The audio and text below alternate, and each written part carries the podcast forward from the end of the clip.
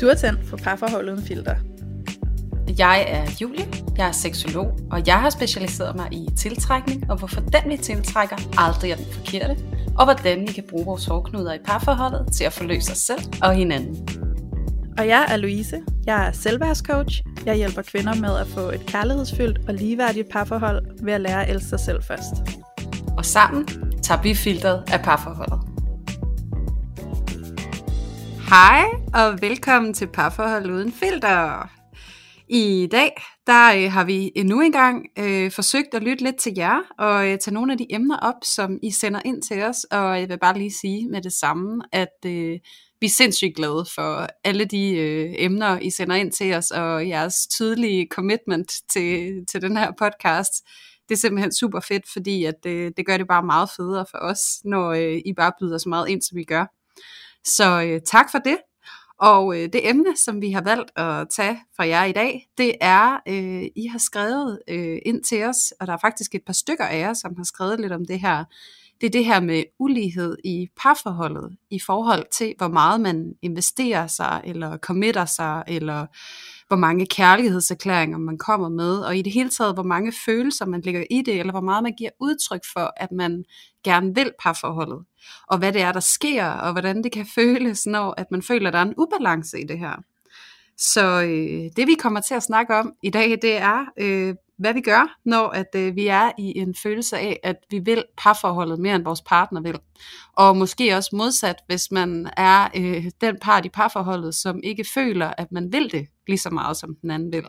Så vi prøver lidt at komme omkring de her to perspektiver i dag. Og øh, når jeg siger vi, så mener jeg selvfølgelig øh, mig og Louise. Hej Louise. Hej Julia. Og øh, jeg tænker for at begynde at folde det her lidt ud, øh, nu har vi jo snakket lidt om det, inden vi gik i gang med at optage, og vi er jo begge to øh, ret øh, bevidste om, at der er rigtig, rigtig mange forskellige aspekter, vi kan gå ind og tale om, når vi skal prøve at forstå det her med, at den ene kan føle, at øh, vedkommende giver lidt mere end den anden, eller måske vil det lidt mere end den anden vil. Øh, og jeg kunne godt tænke mig at øh, lægge ud med at spørge dig, Louise, om det er noget, du kan relatere til. Både på den ene side at ville det mere, men også på den anden side måske ikke at ville det helt lige så meget. Og øh, hvad du lige umiddelbart tænker, vi skal i berøring med i dag. Mm, ja, mm. altså... Øh... Ja, det er virkelig spændende, fordi som du siger, Julie, så er der så meget til det, og nogle gange, når der er så meget til tingene, så kan jeg næsten, øh, Altså jeg kan næsten få svært ved lige at wrap det hele sammen, men jeg kan i hvert fald relatere til begge sider af den her sag. Så det vil sige, jeg har både været den, der stod i et parforhold og følte, at, øh, at, at min partner ville det mere, end jeg ville. Jeg har også prøvet at stå på den anden side, hvor jeg følte, at jeg ville det mere, end min partner. Øhm, og begge dele er jo ikke rare at være i, kan man sige. Øhm, så der er jo en ubalance, når det er på den måde. Men det er jo spændende at kigge lidt på, hvad det i virkeligheden er, der ligger bag, og, og hvorfor at det er sådan for begge parter. Men egentlig så kom jeg også rigtig meget i kontakt med det her med at få øje på, om det er sådan det er, eller om det er bare sådan, du føler det er. Mm. Øhm, så øh, jeg ved ikke sådan helt, hvor jeg skal starte i alt det her. øhm, men jeg tænker, lad mig starte der, hvor jeg har været den, der øh, havde en partner, der ville det mere end mig.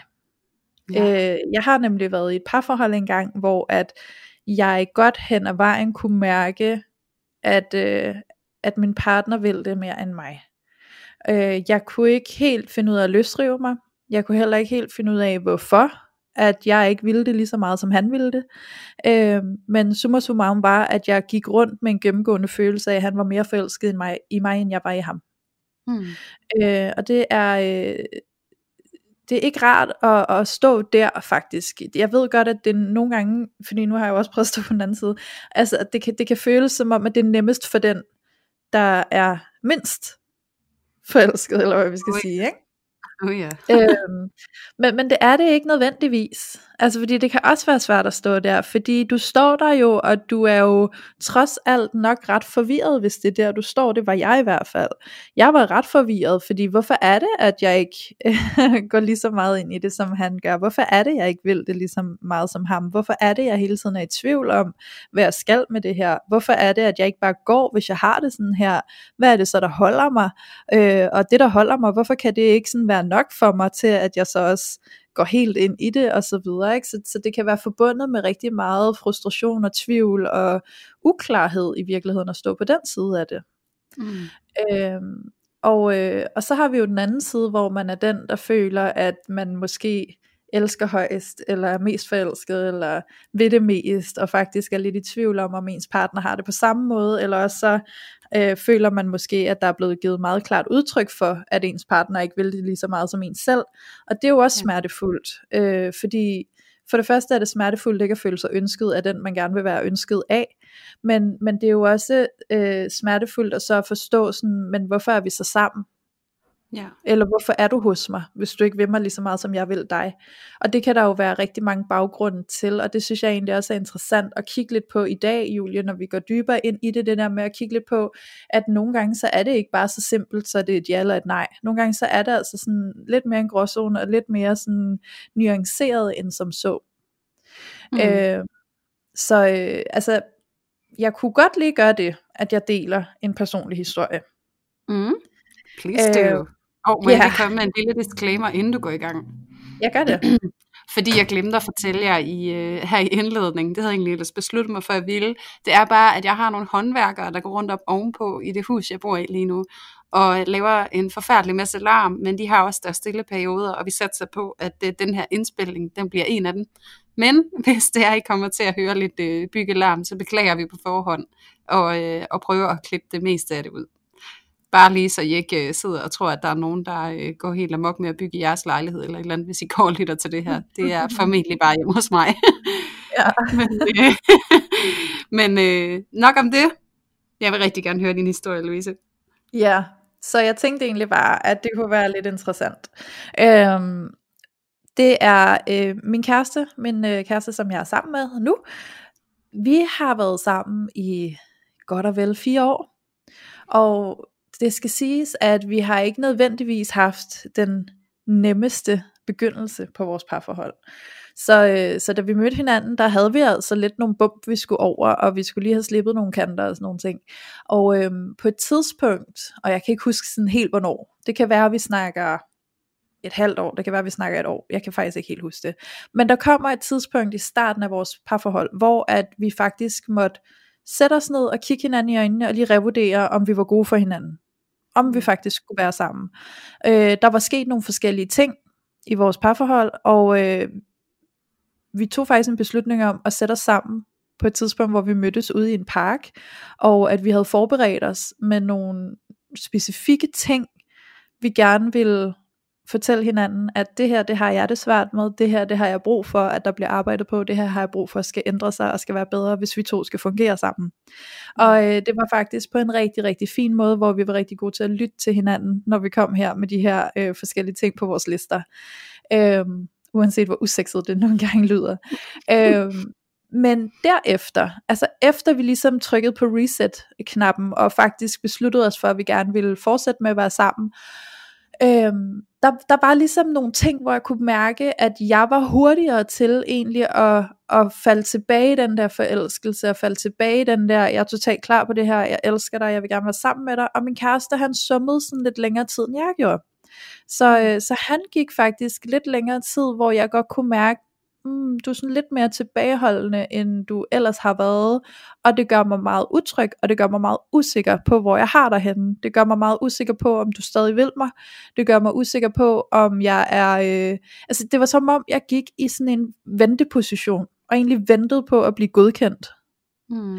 Øhm, og det var helt vildt ubehageligt. Øh, og jeg kan huske, at jeg i tale satte det over for ham, hvor jeg sagde sådan, jeg kan sådan mærke, at du ikke sådan helt er der. Jeg kan mærke, at jeg ikke får den samme sådan kærlighed eller begejstring fra din side, eller du sådan kommer ikke til mig på samme måde, som du gjorde før, eller jeg føler, det er mig, der rækker meget ud.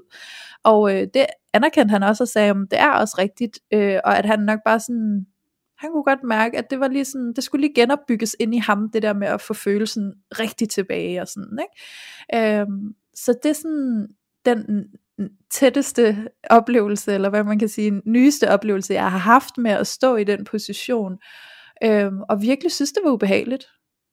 Ja. Jeg følte vidderligt, at jeg øh, ventede på at blive godkendt. Og jeg følte vidderligt, at jeg gik rundt og var ekstremt selvbevidst. Jeg gik rundt og var meget opmærksom på, hvad jeg gjorde, eller hvad jeg sagde, eller hvad kunne jeg måske gøre for at give ham plads, eller hvad kunne jeg gøre for at gøre ham mere forelsket, eller sådan, hvor går grænsen til, hvor, hvor meget jeg så skal komme til dig og kysse og kramme dig, eller fortælle dig, at jeg elsker dig. Og, sådan. og det er jo også enormt sårbart, det der med at give kærlighed, når man føler, at den ikke bliver returneret på samme måde. Ikke? Ja. Øh, men alt andet lige, så, øh, så var jeg et sted i mit liv, hvor jeg heldigvis havde muligheden, eller hvad kan man sige, redskaberne i mig selv til sådan at sætte tillid til det, og faktisk være tålmodig og tro på, at bare fordi han har det sådan her, så er det ikke ens betydende med, at han ikke vil mig. Det er ikke ens betydende med, at han ikke elsker mig. Det er ens betydende med, at der er en proces i gang, og den må vi være øh, tålmodige overfor, og den må vi have en form for tillid til. Ja. Øhm, fordi ellers så må jeg stole på, at han også øh, vil sige fra, hvis han kunne mærke, at det er slut nu-agtigt. Øhm, så, så det var faktisk ret befriende for mig, at kunne håndtere det sådan, selvom det gjorde ondt, fordi den gamle Louise i godsøjen, hvis vi skal sige det sådan, øh, altså hun var blevet hyldet ud af den. Hun var gået i sin offerrolle, og hun var gået i sin martyrrolle, og hun var gået enormt meget ind i den der følelse af, du vil mig jo slet ikke, og mm. så var jeg blevet enormt needy, og jeg var nok blevet desperat og krævende, og hvornår kan du bekræfte mig, og hvornår kan du fortælle mig, at det nok skal gå, og sådan noget, ikke? Øhm, så det var, det var faktisk, øhm, rart at mærke, at jeg kunne se ud over det, og kunne se nogle flere nuancer i den proces, der faktisk var i gang. Og øh, det er nok også det, jeg gerne vil invitere til og advokere rigtig meget for, det her med at kigge på nuancerne, og ikke se så sort-hvid på det, når det kommer til lige præcis det her tema, der handler om, når vi føler, at der er lidt ubalance i, hvor meget vi hver især øh, lægger vores følelse i vores parforhold. Ikke? Mm. Ja, ej, sikkert en historie. Jeg sidder, åh, jeg sidder sådan og relaterer rigtig ind i det, kan jeg mærke. Jeg sidder på ja. i maven, bare sådan tanken om at stå i det der, og kan virkelig også godt ja. genkende det. Ja, hvordan kan du genkende det? Jamen altså, jeg har jo også haft de der oplevelser, altså, og det sjove er lige, da vi sad og snakkede, inden vi begyndte at optage, så var jeg sådan, det synes jeg ikke rigtig sådan, jeg har vildt mange erfaringer med, men altså alligevel, så bliver, altså, bliver jeg taget lidt på sengen, når du fortæller din historie, fordi så kan jeg jo tydeligt genkende den der, øh, frygt og usikkerhed. Og, og noget af det, som jeg kommer i kontakt med, det er egentlig altså det lave selvværd, som ja. vi også snakkede lidt om i sidste afsnit, som jeg jo altså virkelig har måttet arbejde med, fordi jeg har ikke haft øh, et ret godt fundament, hvad det angår øh, igennem mit liv, og det har krævet rigtig meget hårdt arbejde, og til stadigvis øh, rigtig meget hårdt arbejde. Øhm, og jeg kan mærke, at der, hvor jeg bliver ramt på sådan noget, det, det er helt klart, når jeg er ramt i mit selvværd. Altså, ja. jeg er usikker på, om hvad er jeg værd, hvis ikke du synes, jeg er noget værd. Ikke? Altså det her med at give ens værdifølelse øh, til et andet menneske, og så give dem ansvaret for hele tiden, og hvad kan man sige, bekræfte den øh, over for mig, at jeg faktisk har værdi. Og så noget, jeg tænker over, øh, når du, også når du fortæller, det er den her med, at man, eller nu skal jeg passe på med at sige mand, fordi det er jo jeg, at jeg øh, kan få den her øh, følelse af, at, at hvis min kæreste har det sådan med mig, så skal jeg virkelig overbevise ham om, hvor godt et fucking catch jeg er. altså det der med, at så vil tilpasse sig rigtig meget, og gå rigtig meget på kompromis øh, med sig selv, og lige dule sig selv lidt ekstra op, eller virke lidt mere hard to get, eller øh, mm. prøve at gøre mig selv mere interessant øh, på den ene eller på den anden måde, for ligesom at, at fange hans opmærksomhed. Altså det der med, at og så egentlig holde mig selv i et rigtig usundt mønster af, at jeg skal gøre noget og være noget andet end den jeg er for at få kærlighed. Ikke? Ja. Øhm, så det der, at jeg kommer virkelig i kontakt med at kompromiset med en selv, altså man går mm. på, når at man står i den der øh, måske lidt mindre værdsfølelse, som jeg også forbinder det her tema med, at, at man kommer til at stå i en følelse af mindre værd og ja. ikke at føle sig tilstrækkelig i forhold til det menneske, som, som man gerne vil i kontakt med, altså at connecte sig med, og hvor smertefuldt mm. det egentlig er. Øhm, og så, så er der jo alle mulige andre tematikker, jeg har også skrevet en hel masse ting ned, jeg synes, vi skal snakke om, men som det så ofte er, når vi går ind i et eller andet tema, så sidder jeg og kigger på min liste bagefter, og så er der jo en masse andre ting, som vi ikke kommer omkring, fordi at det også skal blive lidt for stort og bredt, ikke? Ja. Men øhm, noget af det, som jeg synes er vigtigt at få med, og nu også i forbindelse med den her følelse, jeg selv kommer i kontakt med, med ikke at måske føle mig tilstrækkelig eller god nok, og have den, det her behov for, og den her lyst til at overbevise min partner om, at det er jeg altså, og nu skal du bare se, hvem jeg er, og hvad jeg kan, og sådan noget. Og så, så når, at, at, så kan jeg godt have haft den der følelse, når jeg har været i det der øh, cirkus, at når at så den her kærlighed, eller hvad man kan sige, begejstring så udmyndter sig fra min partners mm. side. Altså hele min indsats har gjort, at han nu synes, jeg er interessant eller spændende og gerne vil mig. Så bliver det utroligt smertefuldt, fordi ja. at jeg har jo fået fremprovokeret den følelse i ham med min meget ekstraordinære indsats, som jeg måske jo faktisk ikke øh, kan leve op til hver eneste dag resten af mit liv. Så mm. det der med, at jeg måske har gjort ham mere forelsket i ideen om mig, eller mig på 100%, som jeg jo ikke er hver eneste dag, at det kan jeg faktisk ikke leve op til, og nu har jeg sat mig selv i en knibe, som er altså virkelig udholdelig for mig at være i, fordi at så står jeg mellem valget med at skulle tillade mig selv at være, som jeg er, øh, mm. med alt, hvad det indebærer på godt og ondt, eller må, kunne modtage hans kærlighed ved at være den bedste udgave af mig altid. Ikke? Så, så, det er jo så også det enormt der, anstrengende helt vildt, og det er det der krydsfelt, jeg kommer i kontakt med, ikke? hvor at, at ja. sådan, wow, det, det er virkelig, og lidt tilbage til, hvad du siger, Louise, det her med, det bliver meget det der sort-hvid, altså enten eller, enten er på den her måde, eller så kan jeg ikke få kærlighed. Og, ja. og hvis jeg sådan skal relatere det ind i mig selv, så, så har jeg jo, øh, og til jer, der kender til enagrammet som træer, øh, som er den type, jeg relaterer mig til, der er der jo noget for træer med at lede efter øh, lyset i mor og fars øjne, ikke? Øh, mm. og gøre noget ekstraordinært, og være meget succesfuld, og være utrolig dygtig, og præstere rigtig godt, og så når der kommer lys i øjnene på mor og far, jamen det er kærlighed. Altså det er der, hvor min værdi ligger, det er når der er lys i øjnene, ikke?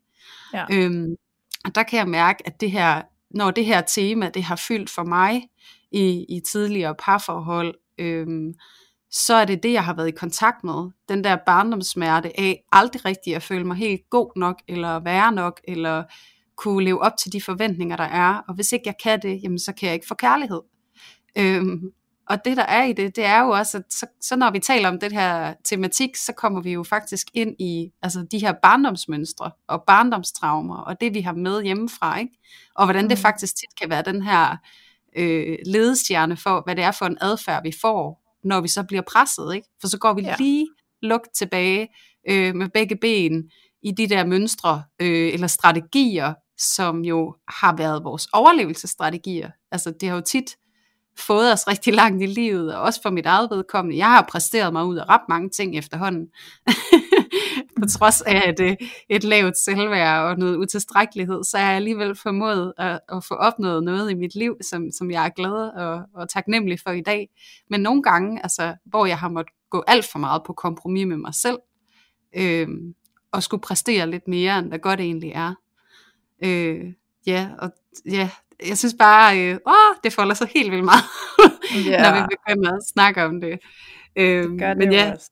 jeg vil virkelig gerne høre, hvad du også tænker om det her med mor og far og barndom, eller hvad du nu ellers lige kommer i kontakt med, når at, at jeg sidder og bræller derud af. ja, altså det jeg egentlig kommer i kontakt med, det er det der med at få øje på, at vi som mennesker er jo meget forskellige typer. Mm. Øhm, fordi for at sådan gøre det konkret, så er det nemmest for mig at relatere det ind i mit eget liv. Og altså sådan, jeg kan i hvert fald sige, at med mig og min kæreste, så er vi jo også meget forskellige typer. Øh, og øh, jeg er nok sådan den der mere sådan øh, hurtigt åben og flamboyant, eller hvad man kan sige. Og han er nok lidt mere... Øh, han er ikke decideret lukket, men han er måske sådan lidt mere sparsom på den følsomme side, ikke, end jeg er. Mm-hmm. Øh, så, så på den måde, så kan jeg jo godt mærke, at der sker også noget i os øh, som mennesker, hvor at vi går i tolkningsmode over for det, vi oplever. Mm. Og jeg kan i hvert fald huske, i starten af mig og min kærestes parforhold, der følte jeg, at jeg prioriterede ham højere, end han prioriterede mig. Øh, fordi vi kunne sagtens have sådan nogle oplevelser, hvor at øh, jeg clearede min kalender, og det første jeg gjorde, det var at finde ud af, hvornår min kæreste kunne ses, og så fik han første plads. Og så derefter, så begyndte jeg at plukke veninder ind og alt muligt andet. Det vil sige, mm. at han havde en førsteplads. Han var i første prioritet, og altså sådan, jeg rokerede gerne rundt i min kalender for at gøre plads til ham, og så fik mine veninder lov til at få anden pladsen. Ikke? Øhm, ja. Hvilket også kan være ganske farligt at gøre.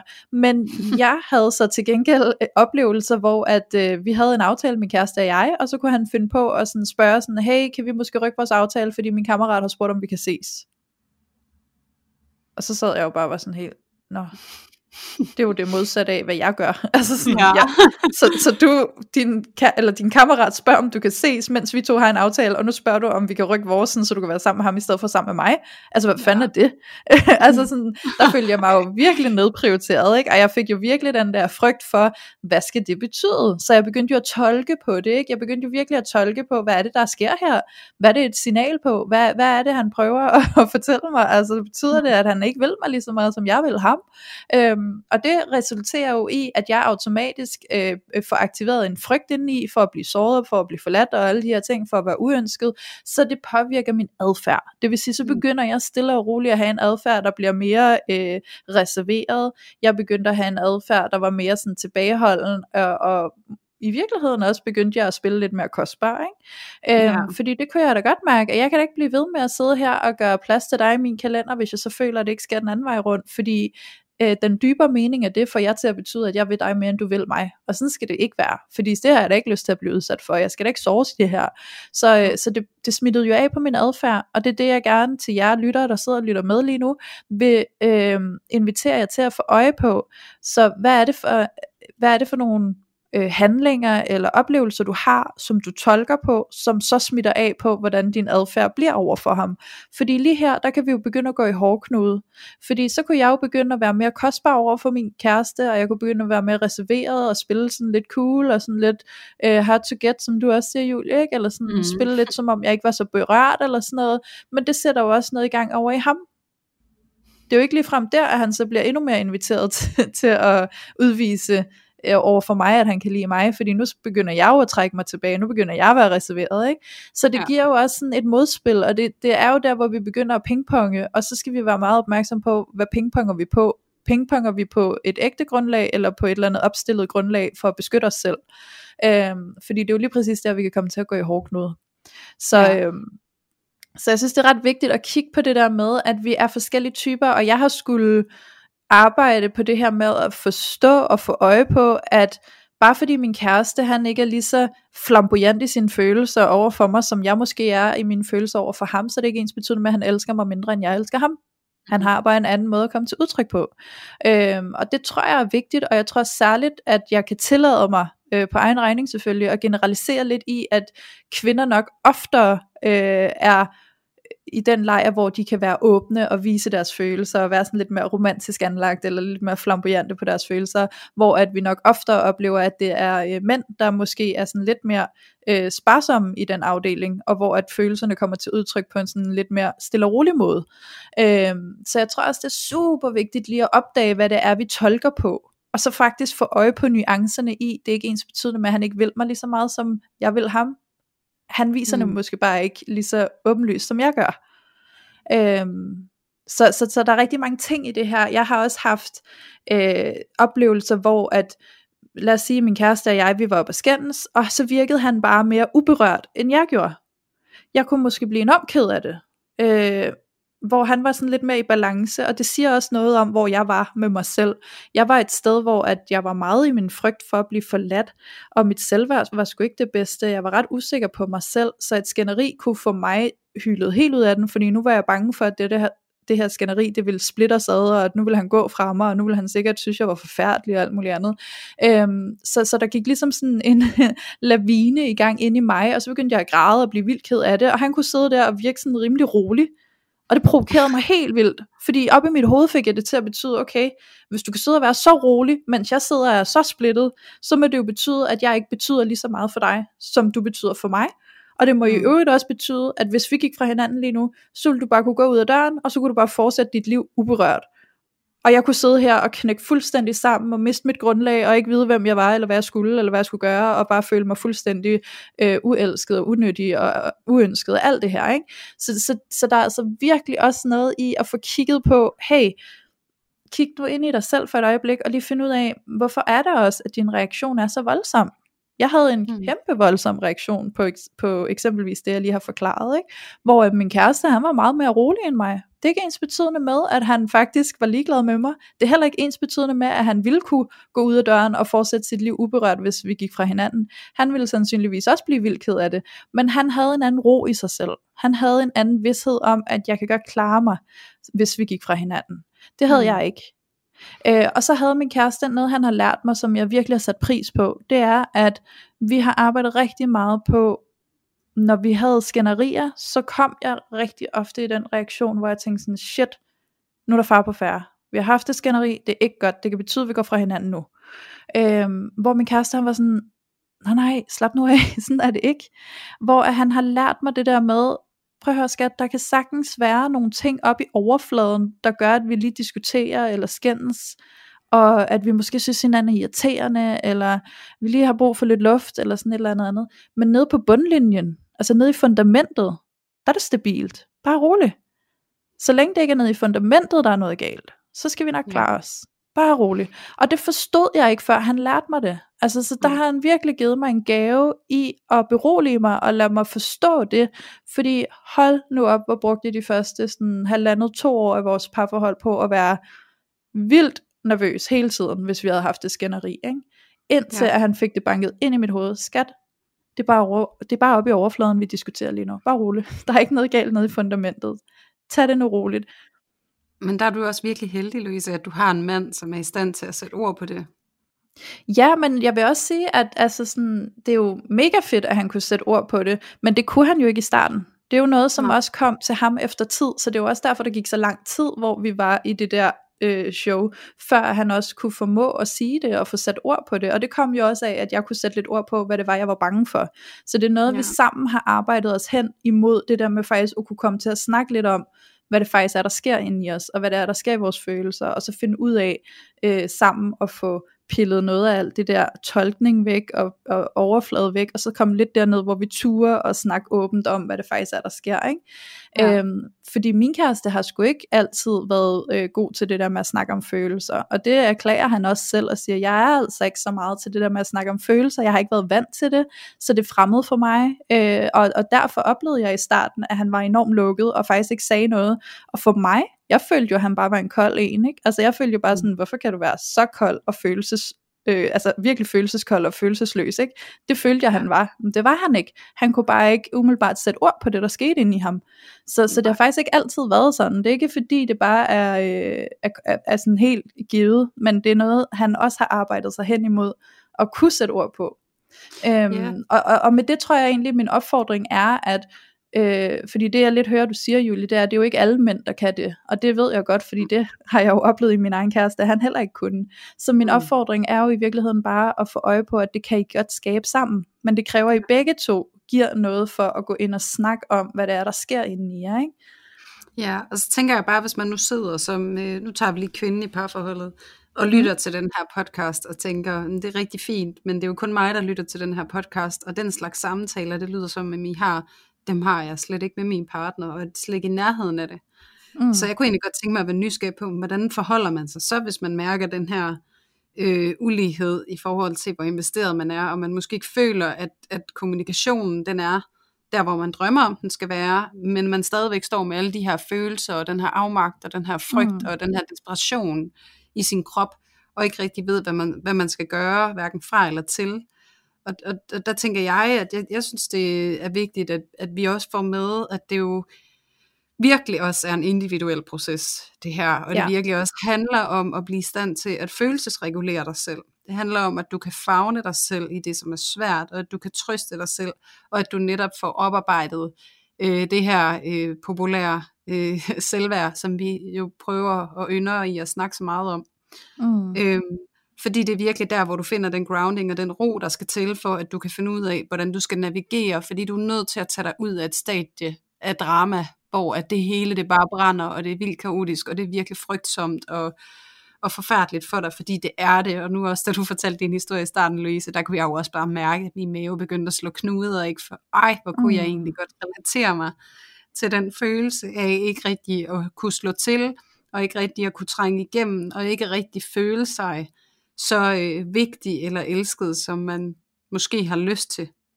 Ja. Øhm, og der tænker jeg også bare noget, der også er væsentligt at tage med ind over, det er jo, at, at nu generaliserede du også lige før og sagde, måske har kvinder en tilbøjelighed til noget, og mænd en tilbøjelighed til noget andet. Og det øh, tillader jeg mig også lige at gøre, fordi det er jo ikke altså ukendt, at kvinder de er mere tilbøjelige til at, at netop vise deres føler, følelser og snakke om deres følelser, og mænd ikke er det på samme måde. Og det betyder altså også, når der er nogle ting, som ikke fungerer, eller noget, som er svært, så har mænd altså en tilbøjelighed til at trække sig mere ind i sig selv, og gå lidt ind i hulen og reflektere, og det kan være vildt frustrerende at sidde overfor, fordi ja. man har brug for, at de melder ud, og de melder sig på banen, og de giver en noget klarhed, fordi at man bare sidder fuldstændig ude af sig selv. Øh, og der er det virkelig en kunst at lære, øh, netop som du også siger, Louise, at ligesom at, at have tålmodighed, og forstå, at man er i en proces, og give det tid øh, til ligesom at vokse, og i den tid, hvor at du, altså, når du ligesom lærer at finde en tilstand af tålmodighed, så, så brug energien i, i det stillstand øh, med dig selv på netop at være kærlig over for dig selv, og måske mm. enhance dig selv, og opbygge dig selv i, at uanset hvad han måtte mene eller ikke mene om mig, så ændrer det ikke på min fundamentale værdi. Nej. Øhm, altså det er ikke, altså min værdi afhænger ikke af, hvor meget eller hvor lidt han vil mig eller mm. hun vil mig for den sags skyld. Og der er du nødt til at finde et sted med dig selv og lave nogle praksiser for dig selv, hvor at du kan begynde at tro på, at det er sandt for dig. Øhm, fordi at det giver dig altså bare et langt bedre fundament til at så kunne gå ind i og skabe det, du gerne vil have. Ja. og det er bare meget nemmere sagt end gjort, og det ved jeg også godt. Og jeg som sagt er stadigvæk også selv i proces med det her. Øhm, og synes, det kan være rigtig svært. Og jeg kommer egentlig i kontakt med en situation, øh, som jeg havde for ikke så længe siden. Og jeg tror også, jeg nævnte det lidt i det tidlige afsnit, at der har været noget sygdom hjemme ved os. Og øh, det, der sker, når at, øh, min kæreste er, vi er syge, det er, at vi trækker os ind i os selv, fordi at vi har sådan en grundantagelse med os i vores øh, overlevelsesrygsæk, der hedder sig, at øh, hvis ikke man kan byde ind med noget, så er det bedre ikke at være der, fordi så er man nok en belastning. Mm. Øh, og så når vi går omkring hinanden og er i det, det mindset, så øh, kan vi blive utrolig fjerne fra hinanden. Og det resulterede også i, at vi havde en situation, hvor at øh, vi ender med at sidde og snakke sammen. Og, øh, og jeg fortæller ham, at jeg øh, oplever, at han, han trækker sig, og er det sandt, at det er det, du gør, og hvad sker der, og hvad har du brug for? Og jeg har en fortælling om, at det er det her, du tænker om mig, og er det rigtigt? Og det ene og det andet. Altså en af de her øh, konfronterende samtaler, vil jeg vælge at kalde det. Mm. Øhm, og han ender egentlig med at gå sådan lidt i reaktion, og synes det er lidt frustrerende, og nu skal han til at have den her samtale, når han ikke har noget energi i forvejen, og I kan nok godt forestille jer øh, situationen. Men øhm, så sidder vi der, og, øh, og, og det ironiske er lidt, at øh, jeg går derfra og har sådan en øv, og hvor er det træls, og vi er nået igen til hinanden, og øv, øv, og hvad skal der ske? Og, øh, og, og så da jeg kommer hjem, så ser jeg faktisk, at han har sendt en sms til mig, hvor at der står, at, øh, at alt er okay, og det er dejligt for ham at mærke, at vi kan snakke om de her svære ting, og det gør kun vores øh, kærlighed til hinanden endnu stærkere. Mm. Og øh, det kunne jeg jo slet ikke se, da jeg sad over for ham i det øjeblik. Og det er jo også bare for, at, at det er jo ikke alting, vi ser øh, men der kan godt udspille sig noget, som er ret væsentligt alligevel. Også det der med at se den der modgang og de der konflikter, eller det som vi kan tolke som værende manglende engagement, at der også kan være nogle dybder i det, og nogle nuancer, som du også siger, Louise, hvor at der kan ligge noget, som, ja. som vi er nødt til at, at stille os åbne over for at få adgang til. Og så kan der jo også være, tænker jeg, øh, vi kan næsten ikke lave det her afsnit uden egentlig at så snakke grundlæggende om, hvad hvis der reelt set er flere følelser hos den ene end hos den anden. Mm, ja, ja, selvfølgelig. Hvad tænker du om det, Louise? Den tænker jeg er svær. Altså den tænker jeg virkelig er svær, fordi jeg, jeg kan også mærke, at jeg bliver lidt påpasselig med at gøre mig til dommer over, hvornår at man kan vide, om det reelt er, fordi at der er et gap imellem, hvor meget man føler, og hvor meget man ikke føler, øhm, og hvornår det måske er de her nuancer, ikke? Altså, så, så jeg kan i hvert fald mærke, at det er mere tilgængeligt for mig at snakke om, hvad, hvad, hvad kan være de nuancer, der nu engang er i spil. Øhm, ja. Fordi hvordan kan du vide, om han rigtig elsker dig? Det ved jeg faktisk ikke. Altså sådan, jeg tror, at øh, i stedet for at kigge efter, om du kan vide, om han elsker dig, eller om han er ægte vil dig, om han vil dig lige så meget, som du vil ham, så tror jeg nærmere, at for mig handler det om at gøre op med sig selv, hvad vil jeg være med til? Mm. Altså sådan, hvor, hvor går min grænse? Hvad har, hvad, altså sådan, jeg vil arbejde på det her, og jeg vil gøre mig klar først, at jeg i hvert fald har undersøgt det, og at jeg har snakket grundigt med ham, og at jeg har øh, gjort min effort for at undersøge, sådan, hvad der er på spil. Tolker jeg rigtigt, når jeg tolker, at, at det du gør nu betyder, at du ikke vil mig lige så meget, som jeg vil dig, eller er det bare fordi, at du er en anden type, og du gør nogle ting på en anden måde end mig, og jeg bare ikke kan se dine følelser lige så tydeligt, som jeg kan føle mine egne følelser og sådan nogle ting. Mm. Så virkelig sådan undersøg det med din partner, og ture at være åben og ærlig og sårbar, når du har sådan nogle snakke med din partner, hvis du har en tvivl på, om han eller hun vil dig lige så meget, som du vil øh, ham eller hende. Øhm, så jeg tror, jeg tror, det er vigtigere at kigge på dig selv, og kigge på, så hvad er det også, at, at min adfærd taler ind i, og hvad er det i virkeligheden for nogle følelser, jeg har på spil, fordi jeg tror bare, det er mere værd, altså jeg, jeg, jeg vil ikke sige tror, jeg, jeg, jeg synes det er mere værd at kigge på sig selv, og kigge på, hvor går min grænse, så hvis jeg ikke kan mærke, at du elsker mig, og hvis vi har, hvis vi har arbejdet på det hen over en periode, som jeg synes er en færre periode, og jeg ikke endnu kan se, øh, hvad kan man sige, et lys forud for det her, så, så er det også vigtigt, at du formår at trække en grænse et eller andet sted. Og det handler jo rigtig meget om dig. Det handler rigtig meget om, at du er i stand til at trække en grænse. For vi kan også være så, øh, nu bruger jeg et beskidt ord, øh, vi kan være så needy, at vi faktisk nøjes med, fordi vi, vi er bange for at blive forladt, eller at vi hele tiden bare har den her kamp om, jeg skal overvinde dig, jeg skal overvinde dig, jeg skal overvinde dig. Så vi bliver ved med at være det samme sted, eller vi bliver ved med at være der, fordi vi måske nederst i vores underbevidsthed faktisk ikke tror på, at vi er mere værd end det vi kan få. Ja. Øhm, så, så der er nogle, der er nogle rigtig mange forskellige ting i spil lige her, ikke? Øhm, så jeg tror bare, at den største gave, du kan give dig selv, det er i virkeligheden at kigge på dig selv meget mere, end du kigger på ham, og på hvorvidt om du kan regne ud, om han elsker dig nok, eller vil dig nok, fordi det kommer du nok aldrig til at kunne. Det skal mm. han kunne fortælle dig meget tydeligt i en samtale, I har sammen, eller det skal han kunne overbevise dig om på en eller anden måde, men det, det handler om, hvordan du tolker det, han viser dig, og hvordan du lander i det, du oplever med ham, ikke? Og det, og det, altså den tolkning og de oplevelser, du føler, du har, de er en direkte afspejling af, hvordan du har det med dig selv. Ja. Hvis du spørger mig. Ja. Øhm, ja. Og så når du siger tolkning, Louise, så tænker jeg også, at der er det også væsentligt at snakke om sådan noget som kærlighedssprog. Øhm, og jeg gider ikke som sådan øh, at gå alt for meget ind i det nu, fordi at vi har jo lavet et helt afsnit om kærlighedssprog. Ja. Så, så til dig, der lytter og tænker, hmm, hvad er det? Så øh, hop du lige nogle afsnit tilbage, og så ligger der faktisk et helt afsnit udelukkende om det. Og der kan du være nysgerrig på, om det der egentlig gør, at du ikke mærker kærligheden, eller at, at din partner ikke mærker kærligheden for dig, at det måske faktisk har noget at gøre med, at I viser det på forskellige måder. Ja. Øhm, så det er jo en måde at arbejde opklarende på. Men, men så vil jeg også, øh, jeg kunne rigtig godt tænke mig at få to kontraster med, inden vi afslutter det her afsnit, som er mm. noget, jeg har skrevet på min blog.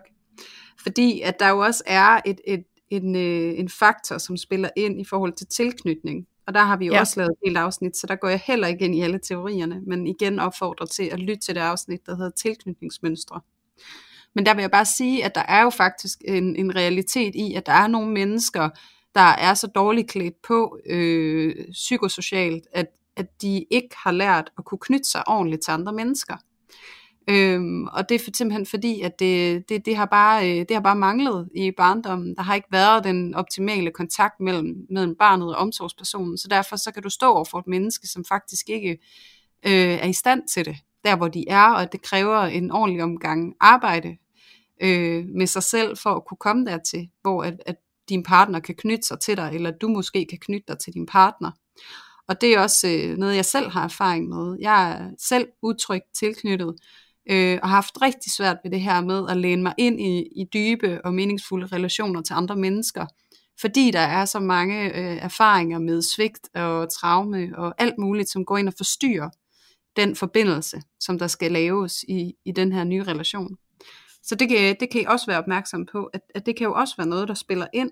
Øhm, fordi jeg tænker, at når vi snakker om det her med, om man vil det mere øh, end den anden, så er der jo de her tolkningsspørgsmål, som, som vi har snakket rigtig meget om indtil nu, Louise, som er der, hvor vi måske er usikre, men så er der også bare de her fundamentale ting, som man også nogle gange er nødt til at tage lidt højde for.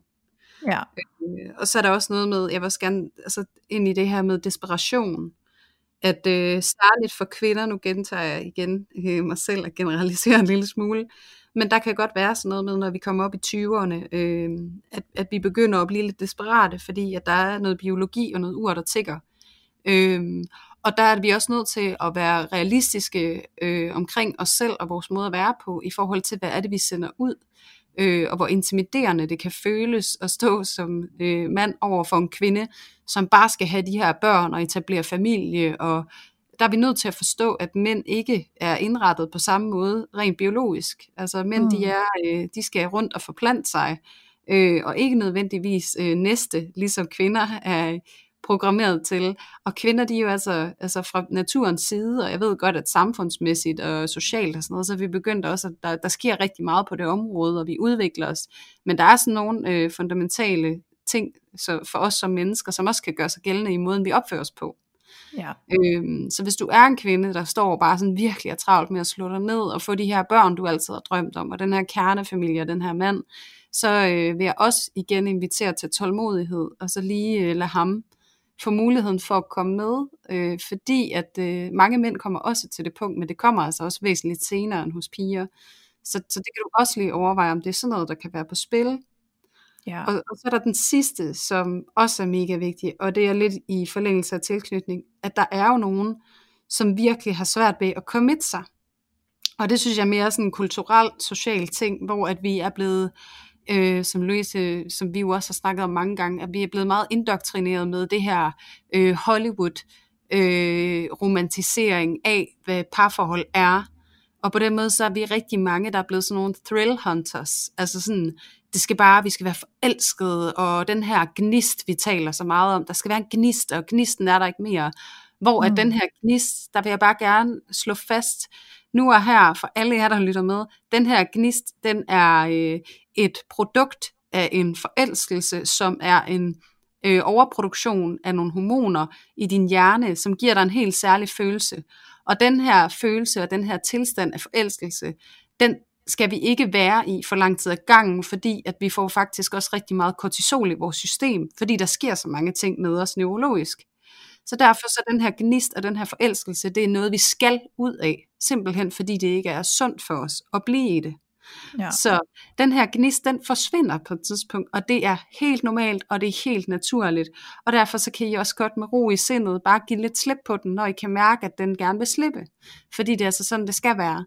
Men derved så vil jeg også sige, at der kommer altså noget efter forelskelsen også, som også er fantastisk, men som føles på en anden måde. Men vi er så indoktrineret i den her kultur, at der er rigtig mange af os, der ikke får øje på det her, der kommer bagefter, eller hvad de sætter det for noget særligt, fordi at vi er faktisk utrolig mange, som ikke har ret mange erfaringer med det. Ja. Øh, den her kærlighed og forbundethed, der opstår efter en forelskelse. Og det er jo her, hvor vi virkelig ser hinanden på godt og ondt, og vi også snakker om skyggesider, Louise. Du ser masken og skyggen, og så ja. skal du lære faktisk at, at, at elske det og rumme det. Og når du lærer at fagne og elske og rumme det, du ser i din partner, så lærer du også at gøre det med dig selv. Så der er så mange gaver efter den her gnist og efter den her forelskelse. Men der er vi bare rigtig mange, som konstant er på jagt efter at være forelsket.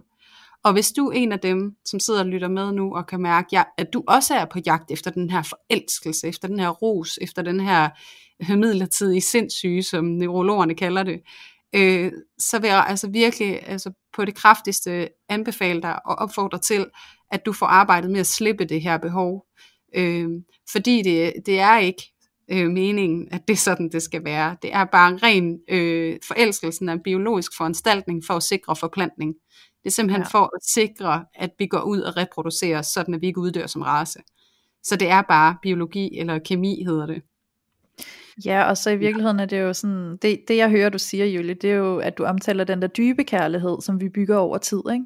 Præcis. Øh, og, og, og, og hvor lidt den faktisk bliver anerkendt, eller sådan, hvor lidt den faktisk får lov at få noget excitement, fordi den er jo, i virkeligheden for mig er det jo den, som jeg øh, gerne vil have. Ikke? Altså sådan den der ja. dybe forbundethed, og den der følelse af, at kærlighed er ikke altid gnidningsfrit. Altså sådan, eller jo, det kan godt være, at kærlighed i sin egen essens er, men parforholdet er jo ikke gnidningsfrit. Og det er jo Præcis. det, vi skal få øje på, at det skal ikke være gnidningsfrit for at være godt. Altså det, det, altså det er jo ikke kun kærlighed, når det er gnid, gnidningsfrit. Altså jeg elsker min kæreste, og vi har den dybe kærlighed nu, øhm, og den har vi jo oparbejdet. Altså sådan, og, og, og simpelthen også prise den, i stedet mm. for altid at tro, at vi skal rende rundt på den her lyserøde sky, og bare være sådan nogen, der fniser lidt, og er sådan lidt, altså sådan, ja. det er jo heller ikke realistisk, sådan vil jeg jo heller ikke overgå at skulle leve hele mit liv med ham, vel? Altså sådan, så meget hellere have den der dybe kærlighed, og kunne begynde at se det gode at se, altså sådan virkelig prissætte den dybe kærlighed, og alt hvad den rummer, og hvad det også betyder, at, at det også betyder, at det nogle gange er øh, kærlighed og bare være total hverdagsagtig, i, i stedet for at det altid skal være glamourøst, eller øh, ja, have en eller anden hej, ikke? Øh, ja. Altså det der med at være forelsket, det er jo gratis, ikke? Ja, men altså, det er jo, altså, der er også en grund til, at det måske engang er blevet kaldt en midlertidig sindssyg, ikke? Altså, ja. Øhm, fordi vi bliver sgu sådan lidt, uh, altså sådan lidt ved siden af os selv lige i den periode der, ikke? Og vi bliver jo lidt ekstra selvbevidste, og sådan, at det er jo ikke holdbart, hvis vi skulle være i den øh, tilstand hele tiden. Vi vil jo ikke øh, fungere normalt. Så det er måske mm. også bare sådan lidt, øh, lidt hypet i virkeligheden, ikke? At gå efter det, og måske slet ikke så værdifuldt, som vi tror det er. Øhm. Nej, det er jo faktisk ret dovent, altså efter min, min mening, og det, det lyder sådan lidt hårdt at sige, men det er jo fordi, at det der med forelskelsen, det kemi, det får du, det er helt gratis, du skal ikke gøre ja. noget for det, det opstår ja. bare, altså øh, spontant, når du møder en, som lige trigger dit underbevidste på den helt rigtige måde. og det er lidt ligesom, at vi gerne vil have fast food, ikke? Det er nemt, og hjernen er programmeret til at springe over, hvor gader er lavest, for at spare os energi, sådan at vi er klar til kamp igen, biologi. Ja. Og ja. det er det altså det samme med forelskelse. Det er der, hvor gaden er lavest, og der vil vi bare gerne blive ved med at springe over, fordi det bare er nemt, og vi skal ikke gøre ret meget for det. Det kører helt af sig selv, og vi vil knalde hele tiden, og sender søde sms'er, fordi vi ikke kan lade være. Og så når vi skal begynde at arbejde lidt for det, så uh, det er for hårdt, det gider jeg ikke. Ja.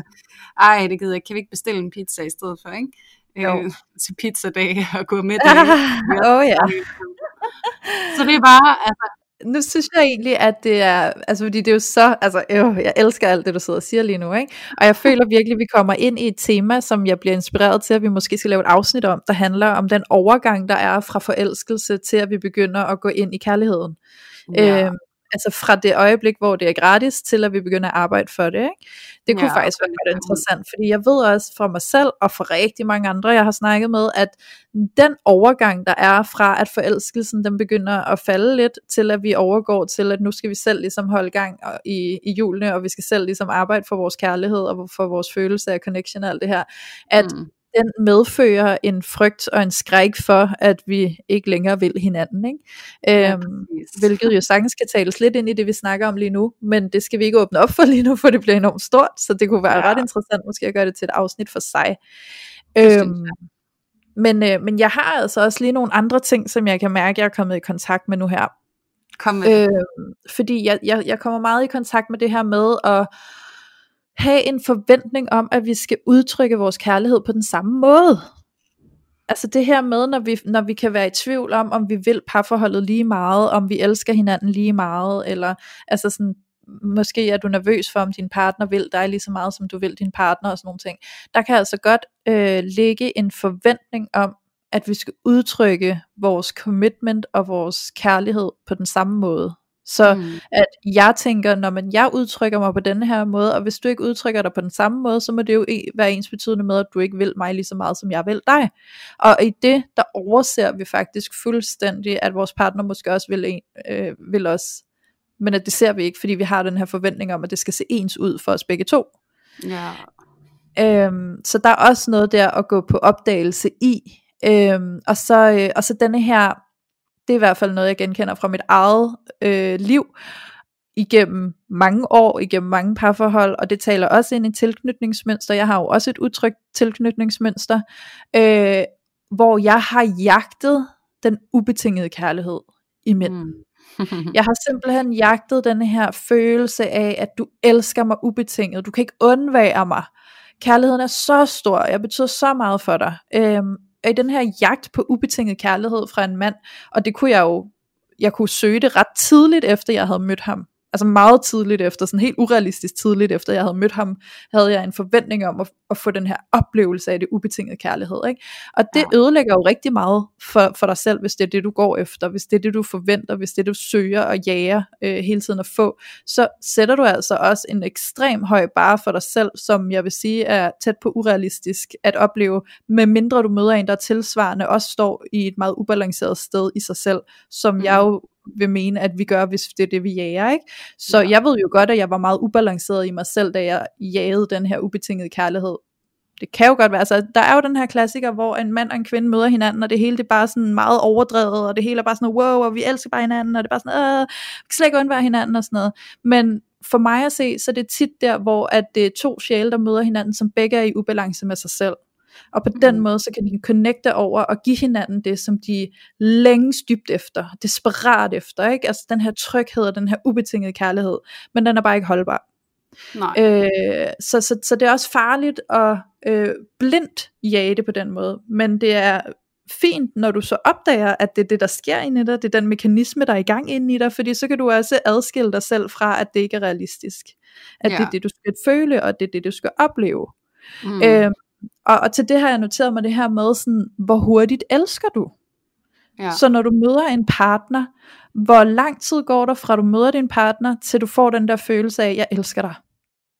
Og så prøv lige at mærke efter i dig selv, om det er ægte. Altså er det ægte kærlighed? Altså, er, altså sådan, det var måske dårligt formuleret, men er det ægte den der, jeg elsker dig? Er det ægte, eller er det bare den her desperation efter, at være et sted, hvor du er med en, som du virkelig elsker. Ikke? Mm. Øhm, fordi det kan godt nogle gange komme i forklædning den der følelse af, at jeg elsker dig, og i virkeligheden er det ikke, at du elsker, men at det er en forklædning af, at du er desperat efter at føle connection, og føle, at du er koblet sammen med et andet menneske, og føle en tryghed, og der er en længsel, der skal opfyldes, og det er måske den her neediness, der er på spil, som gør, at du har lyst til at sige, at jeg elsker dig, og måske siger du det i realiteten ubevidst, bare fordi du godt vil høre, at din partner skal sige det samme til dig, og øh, det kan jo så godt være, at du ikke møder det samme. Det kan jo være, at din partner siger, øh, jeg elsker ikke dig, eller jeg elsker dig ikke endnu, eller, øhm, og det kan jo virkelig slå hårdt. Yeah. Men her der er det altså igen det der med at få fat i at opdage nuancerne i, bare fordi du har sagt, jeg elsker dig, så det er ikke sikkert, at, de, at dine ord faktisk er ægte for dig selv heller, men det har du måske ikke engang opdaget, at de er forklædt i et eller andet andet, og at nuancen i, at, at din partner ikke kan sige det tilbage, er ikke ens betydende med, at de ikke vil være sammen med dig, men måske have respekt for, at det går måske bare lidt langsommere for dem at komme dertil. Og det kan der være rigtig mange årsager til, og det skal vi respektere, og skal ikke nødvendigvis dømme det med det samme til, at så, så er vi ikke rigtige for hinanden. Øhm, så også tage den der nuance og respekt ind i, at vi måske ikke altid øh, følges ad i tempo i sådan nogle her ting. Øhm, ja, så det var, det var faktisk bare lige det, jeg lige havde på, øh, på hjerte her, at jeg godt lige vil have med. Det er da også mega væsentligt. Jeg synes, det er super godt, du får det med og jeg kan ikke blive optaget af, at jeg også er nødt til at få noget med, og det kan næsten være, at det bliver sådan et oplæg til et, et andet afsnit. Hold op, jeg synes ja. det her, det her godt nok udfoldet noget. Men jeg har siddet skrevet det her med mere og mindre værd, hvor du siger det her med, at man kan være på jagt efter den her ubetingede kærlighed. Ja. Øhm, og jeg vil bare sige, at sådan i, øh, i de allerfleste tilfælde, øh, der, der kan det godt handle om det her med at føle lidt, at man bliver sat op på en pedestal. Man vil ja. gerne være den eneste, ene, enestående, igen Hollywood-ideal om, og the only one, og soulmates, og sådan, altså man kommer helt op på en pedestal, hvor man er fuldstændig unik og uundværlig. Mm. Øhm, jeg vil bare sige, i de fleste parforhold, især hvis det er manden, der sætter kvinden op på en pedestal af, at hun er bare altså, guddommelig nærmest og enestående, der er det rigtig tit og ofte, at kvinden bliver super træt af manden på sigt. Mm, øhm, yeah. Det er der, hvor vi kan snakke om de her forhold, hvor en mand han er blevet lidt pussy-whipped, ikke? fordi han mm. simpelthen glorificerer den her kvinde, og egentlig gør sig selv mindre værd, og gør hende mere værd. Og det er der, hvor mit... Det er den der, hvor man hører den der sådan, åh, en overskåring, du har lavet, ikke? Altså sådan, ja, ja det er ikke lige det, der er fedt, jo. og det samme med kvinder, ikke? Og det der med, min mand er bare så fantastisk. Altså det der, og så kommer det hele det der neediness-kompleks ind i, og hvor ja. vi bare taler om to mennesker, som er tomme, og så praktiserer deres tomhed på to, to forskellige måder Fordi at, at, at den, som er sat op på pedestalen, prøver at fylde sig selv op ved at være noget værd for den anden. Og den ja. anden prøver at fylde sig selv op igen ved at være noget for den anden, men de gør noget forskelligt, ikke? Hvor den ene står og modtager, og den anden giver fuldstændig altså, i overflod og mere end hvad, hvad godt er, ikke? Jo. Så der synes jeg faktisk, altså der er næsten et helt afsnit om mere og mindre værd, altså på den måde at tale ind i alt det, og det ved jeg ikke, hvad du siger, Louise, jeg sidder bare og bliver jo. sådan, gosh, Jamen, det er der. ja, men også fordi, altså det der med pedestalen, jeg synes det er skide godt, du får det med, Julie, fordi jeg har godt nok i mit liv gennem tiden sat mange mænd på en pedestal. Ja. Og, og det værste er jo, at når jeg sætter dem derop, så overser jeg, at de også bare er mennesker. Ja. Så lige pludselig ser de fejlfri ud, og de bliver simpelthen, altså de står der i den største glorie, og jeg kan nærmest øh, øh, ikke leve op til dem, eller sådan får sådan en, det er kun dig, og ingen andre, og sådan, hvis ikke Nej. dig, så kan jeg ikke være her på jorden, eller sådan, det der meget overdrevet, dramatiske sådan, øh, kærlighedsunivers, vi kan gå ind i, som i virkeligheden nok meget er sådan en eller anden drømmeverden, ikke? Øh, påvirket af medier og Hollywood-film og alt muligt andet, ikke? hvor vi jo netop ser den der sådan, øh, udspille sig i de her film, ikke? og altså sådan, det er så farligt, fordi det er det der med, at du lige pludselig ikke ser dem som menneske længere, Altså du ser dem bare som sådan et eller andet symbol, og det er faktisk noget, jeg synes er ret interessant lige at få med her på falderæbet. Det er det der symbol. Hvad er det, du får dem til at symbolisere? Fordi mm. jeg har godt nok i mit liv været fascineret af bestemte mænd på bestemte tidspunkter i mit liv, hvor at jeg kan blive draget så meget af dem, at jeg bliver sådan helt, jeg kender dig ikke engang, jeg har aldrig mødt dig, men det er som om, at jeg er forelsket i dig, sådan helt sådan optaget af dig, nærmest sådan helt obsessed. Øh, ja. så, og, og virkelig sådan tidligere i mit liv, hvor jeg ikke var så bevidst, så var det jo bare sådan en følelse af, at jeg var forelsket i ham, og at jeg øh, virkelig var draget af ham, men at øh, jo mere bevidst jeg ligesom er blevet, så kan jeg jo godt se, at i virkeligheden, så er det jo fordi, han symboliserer et eller andet. Så det jeg ser til ham, måske er det på fjernsyn, i film, i et eller andet, jeg hører musik, det kan være sådan nogle idoler og alt sådan noget der, ikke? Mm. Øh, hvad er det i virkeligheden, denne her mand, som du føler, du er forelsket i? Det kan også være sådan lidt mere nede på jorden, at det faktisk er en kollega, sådan lidt ude i periferien, eller sådan noget, du går og er forelsket i hemmeligt, øh, som du er vildt fascineret af, og bare føler dig draget til, og føler, at åh, ham kan jeg bare læne mig ind i, og så er alt bare, øh, så alle drømme opfyldt. Ikke? Øhm, ja. men, men det er ikke realistisk, det du har kørende ind i dit eget hoved og i dine egne følelser lige nu, fordi du er i gang med at spille et eller andet op, fordi du har faktisk aldrig snakket med ham, du har aldrig været tæt på ham, du ved slet ikke, om han er den, du øh, hvad hedder sådan noget, fantaserer om, at han er. Så hvad er det, han symboliserer? Hvad er det, han gør, siger, eller hvad er det for nogle vibes, han udtrykker, som du får til at betyde et eller andet, du længes efter i dit liv? Så ja. altså sådan, altså, det er virkelig vigtigt det der med at få øje på, at når vi bliver så fascineret øh, af et andet menneske på den måde der, hvad er det de symboliserer, som vi længes efter, hvad er det vi craver ved dem, hvad er det vi tror de skal give os, fordi ja. det viser os, og det afslører, hvad det er for en længsel vi har, og hvad er det så vi kan gøre ved det, som vi altid siger, kig ind i dig selv, hvor kan jeg få udfyldt den længsel i mig selv. Ja, og skyggesider. det afsnit kan I så også lige gå ind og høre. ja. ja. Hvad er det, du vil have, som du tror, du ikke har? Ja, men altså, der er så meget i det, altså sådan... Men jeg vil faktisk lige, altså lige, bare lige få rundt den her af. Det kan selvfølgelig være, at du også får behovet for rundt den af. ja. det opstår. Men ja. altså, det er virkelig bare at være sindssygt bevidst omkring, at det her, øh, når der udspiller sig mere eller mindre værd i et parforhold, mm. så er det rigtig tit og ofte, at den her tematik med at føle, at man vil det mere end den anden, den opstår. Ja. Så hvis du sidder og har den følelse, så prøv lige at være nysgerrig på, gør du dig selv mere eller mindre værd i forhold til din partner. Ja. Øhm, og, og det kan se ud på tusind måder, og igen hør afsnit om skyggesider, der kan du få meget mere, altså meget bedre blik for, hvordan det eventuelt kunne se ud. Øh, uden at, altså, jeg skal ikke udelukke, at vi ikke kunne sige meget mere om det også, end det. det ved jeg ikke. Ja. Men altså virkelig være nysgerrig på, er der mere eller mindre værd i jeres parforhold? Øh, fordi det er bare, det er bare så giftigt. Og ja, ja med et afsnit, det også kunne blive. det kunne det godt. Det kunne ja. sagtens være et, vi lige skulle køre med. ja, men, men nu vil jeg i hvert fald prøve at beherske mig, og så, og så øh, tillade mig selv ikke at komme med mere i dag. ja, Ej, men jeg vil gøre det samme, Julie, fordi ellers så kan jeg godt mærke, at vi lige kan fylde en time ekstra ud her. Det tror jeg også godt, vi kan. så lad os lade være med det. Men ja. øhm, jeg håber, at øh, dem af jer, der har lyttet med til det her afsnit, øh, har fået noget ny indsigt. Jeg håber, I har øh, fundet lidt at arbejde med, ud fra alt det, vi har kommet omkring i dag. Ja, det håber jeg virkelig også. Og så, ja. øh, ja, så vil jeg bare lige, øh, det skulle jeg måske næsten have gjort i starten, men mm. øh, jeg gør det nu. Bare lige sige, at øh, I selvfølgelig meget gerne må anmelde os.